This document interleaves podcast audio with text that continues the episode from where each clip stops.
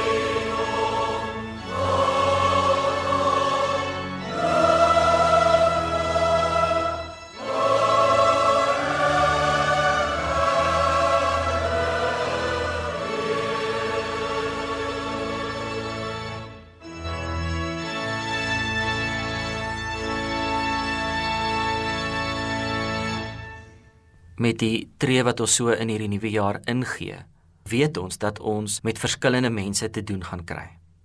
Ons gaan baie keuses moet maak. Ons gaan waarskynlik ook voor baie uitdagings te staan kom wat ons gaan moet oorkom. En deur dit alles wil ons seker maak dat ons woorde, ons dade, denke en besluite tot God se eer is. En terwyl ons dit oordink, lees ek vir ons uit 1 Petrus 1: As gehoorsame kinders, moet julle nie julle lewe inrig volgens die begeertes wat julle vroeër gehad het toe julle God nie geken het nie. Nee, hy wat julle geroep het, is heilig. Daarom moet julle hele lewenswandel heilig wees. Daar staan immers geskrywe: Wees heilig, want ek is heilig. Heilig beteken natuurlik nie volmaak nie. Heilig beteken dat ons nie net gewoon is nie. Ons is gewyd. En gewyd beteken eenvoudig afgesonder met die doel om God te eer. Self kan ons nooit heilig wees nie, maar ons volg die een wat heilig is. Ons sing nou as getuienis en as belydenis van die een wat ons volg, van Jesus wat heilig is. Ons sing saam lied 168 Heilige Jesus.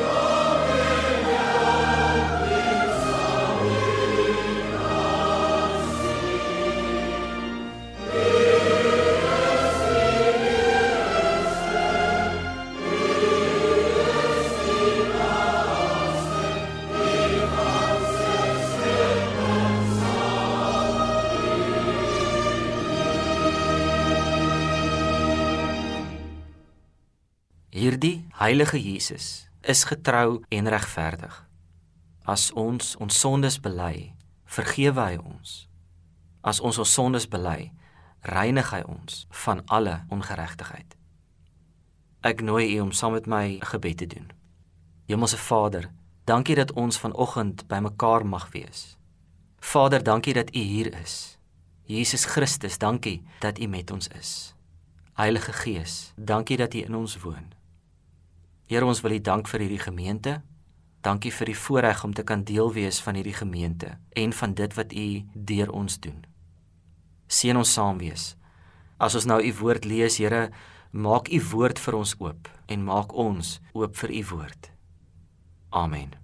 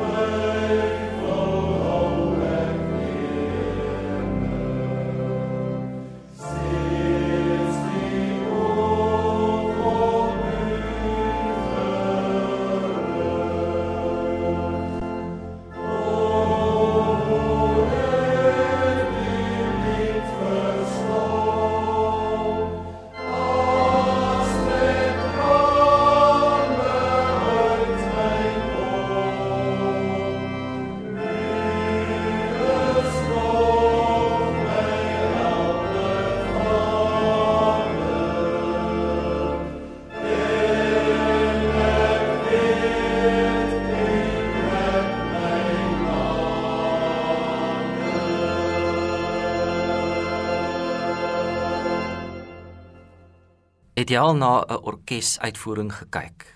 Na orkes geluister? Mens kry natuurlik verskillende soorte orkeste. Maar in die algemeen bestaan 'n orkes uit 'n groep musikante wat elkeen verskillende instrumente speel. As jy al na so 'n orkes geluister het, sal jy weet dat net voor die vertoning begin, daar 'n onordelike geraas is met 'n baie spesifieke doelwit. Dis in daai oomblikke dat die instrumente instem en ook opwarm. En dan is daar so 'n oomblik in die chaos wanneer die dirigent instap. En is wanneer die dirigent instap dat dinge verander. Hy of sy klim op hulle podium, neem hulle towerstaf, hulle dirigeerstok op, tik op die musiekstander en is in daai oomblik wat die chaos begin verander in harmonie. Dis asof die hele orkes aanpas by die teenwoordigheid van die dirigent. So gesien het die dirigent 'n baie belangrike werk. Dit is hulle verantwoordelikheid om die musiekkomposisie so te interpreteer dat die orkes die komponis se werk lewendig kan maak. Hulle moet sorg dat dit wat die komponis geskep het, mooi gespeel word. Om dit te doen, het elke instrument wat in die orkes speel musiek voor hulle. Wanneer die orkes speel, help die dirigent die lede van die orkes om saam te speel. Hy of sy haal die beste uit elke lid van die orkes, sodat dit wat gespeel word mooi is en die gehoor dit kan geniet. Die dirigent kommunikeer hoofsaaklik met hulle hande. In die een hand die baton, die dirigeerstok, waarmee meeste van die tyd tyd en tempo aangedui word. Met die ander hand word gewys watter instrumente nou speel en wanneer hulle harder of sagter moet speel. Soms is hulle armbewegings groot en die musiek vrolik en soms is die bewegings klein en die musiek speel sagter en is baie meer intiem. Vir die orkes is dit belangrik om hulle musiek te ken en om hulle instrument mooi te kan speel. Maar van alles is dit die heel belangrikste dat hulle hulle oë op die dirigent sal hou. Voordat hy beweeg of sy beweeg, speel niemand een noot nie. Met dit in gedagte, vriende, kom ons lees nou Hebreërs 12 van vers 1 tot 3. Terwyl ons dan so 'n groot skare geloofsgetuies rondom ons het, laat ons elke las van ons afgooi, ook die sonde wat so maklik verstrik, en laat ons die wedloop wat vir ons voorlê met volharding hardloop, die oë gefestig op Jesus, die begin en volëinder van die geloof Ter wille van die vreugde wat vir hom in die vooruitsig was, het hy die kruis verduur sonder om vir die skande daarvan terug te deins en sit nou aan die regterkant van die troon van God. Hou hom voor oë wat so vyhandige optrede van die sondaars teen hom verdra het. Dan sal julle nie geestelik moeg word en uitsak nie. Hebreërs 12 se eerste verse probeer ons aanmoedig. Dit probeer sê hou jou oë op Jesus. En hou aan want alles gaan oor hom maar ek en jy het ook 'n verantwoordelikheid. Die woord wat hier gebruik word om te sê dat ons ons oë op Jesus moet hou is nie net die woord wat ons in die algemeen ken as kyk nie. Dit sê meer as dit. Dit sê nie net kyk vir Jesus nie. Dit sê ook kyk weg van ander dinge en mense wat ons aandag kan aftrek. Fokus op Jesus. Konsentreer op hom en let op na dit waarmee hy besig is. Wanneer ons vir Jesus op die podium laat staan van ons lewens, begin die chaos ook verander in harmonie. Ons moet aanpas by sy teenwoordigheid. Ons moet na hom kyk en sy instruksies volg. Jesus is besig om ons te lei sodat ons musiek kan maak wat die groot komponis, ons Vader verheerlik maar wat ook die gehoor inspireer om self in beweging te kom op die maat van die musiek. Om hulle lewens daar rondom te rangskik en dalk selfs by die orkes aan te sluit. Om net vir Jesus te kyk is nie so maklik nie, want ons aandag raak maklik afgetrek. Daar is tye wanneer ons as instrumentaliste vir die gehoor begine kyk. As mens vir die gehoor begin speel, dan begin dit gaan oor hulle goedkeuring of hulle aanvaarding dan word ons maklik afgesit deur hulle reaksies of jy verloor jou plek op die musiek en hou dalk op speel. Ander kere trek ons mede-orkeslede dalk ons aandag af. Jy word jaloers oor die instrument of die part wat hulle speel. Terwyl God ons gemaak het om ons instrument en ons part te speel. Ons is nie veronderstel om onsself te vergelyk met ander nie. Natuurlik moet ons na mekaar luister want as jy jou plek verloor, dan kan die mense rondom jou jou aanmoedig en jou help om weer jou plek in die musiek te vind. As medespelers, medegelowiges, kan ons mekaar help om ons geloof te behou. As ons vertel van dit wat God in ons lewe gedoen het en hoe getrou hy was in die tye toe dit moeilik gegaan het. Maar ons is veronderstel om juis ons oë op Jesus te hou. Te kyk hoe hy maak. Te kyk hoe hy gemaak het toe hy verraai, verloon, verneder, verlaat en selfs vermoor is.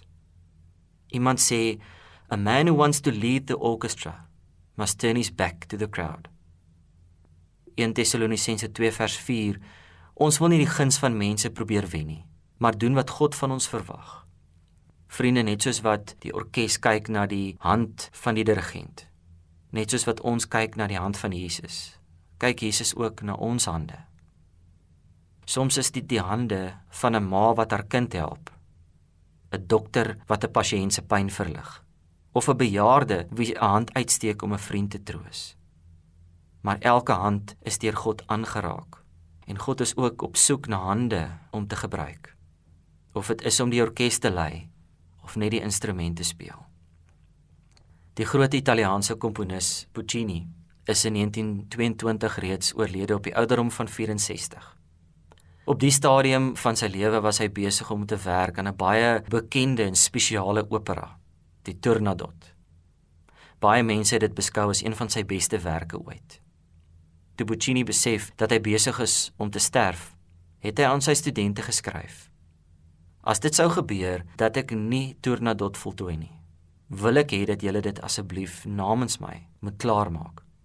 En dit is presies wat gebeur het. Puccini het gesterf voordat Tournadot voltooi is.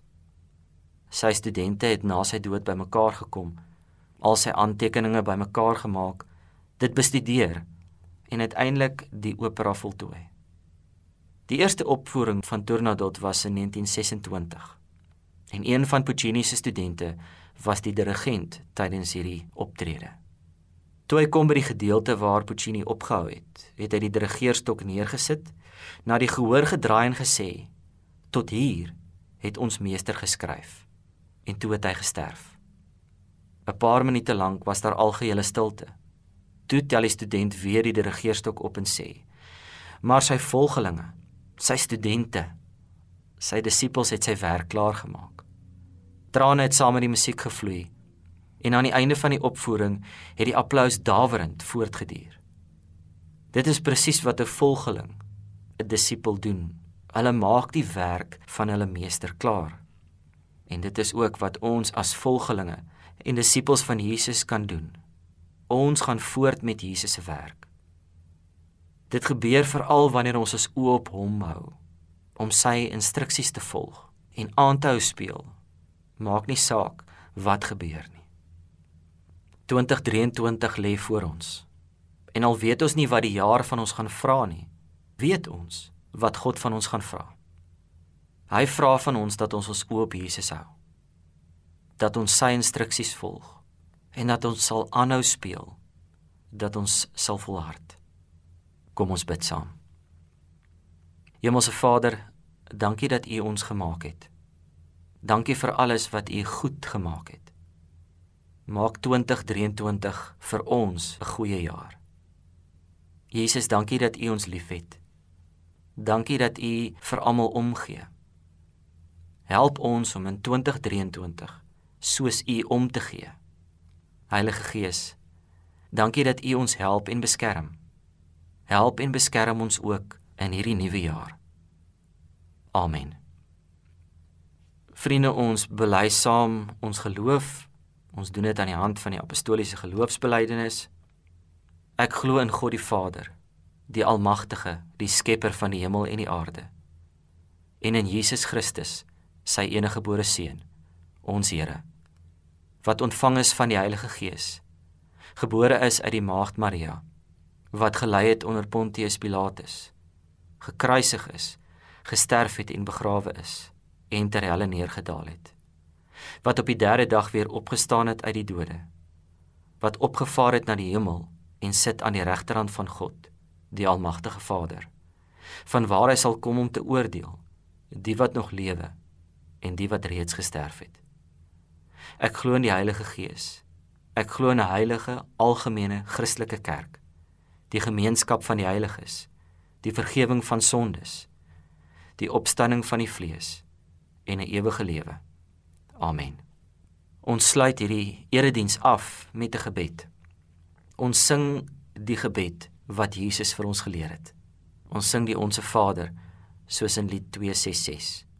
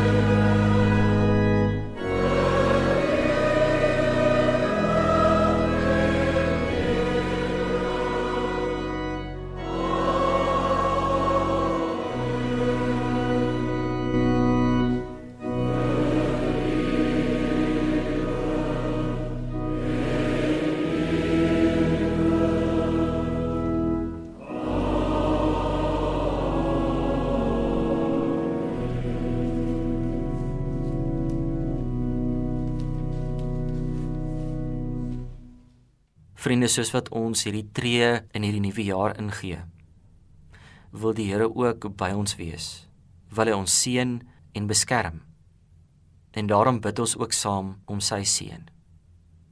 Die Here sal julle seën en beskerm. Die Here sal tot julle redding verskyn en julle genadig wees.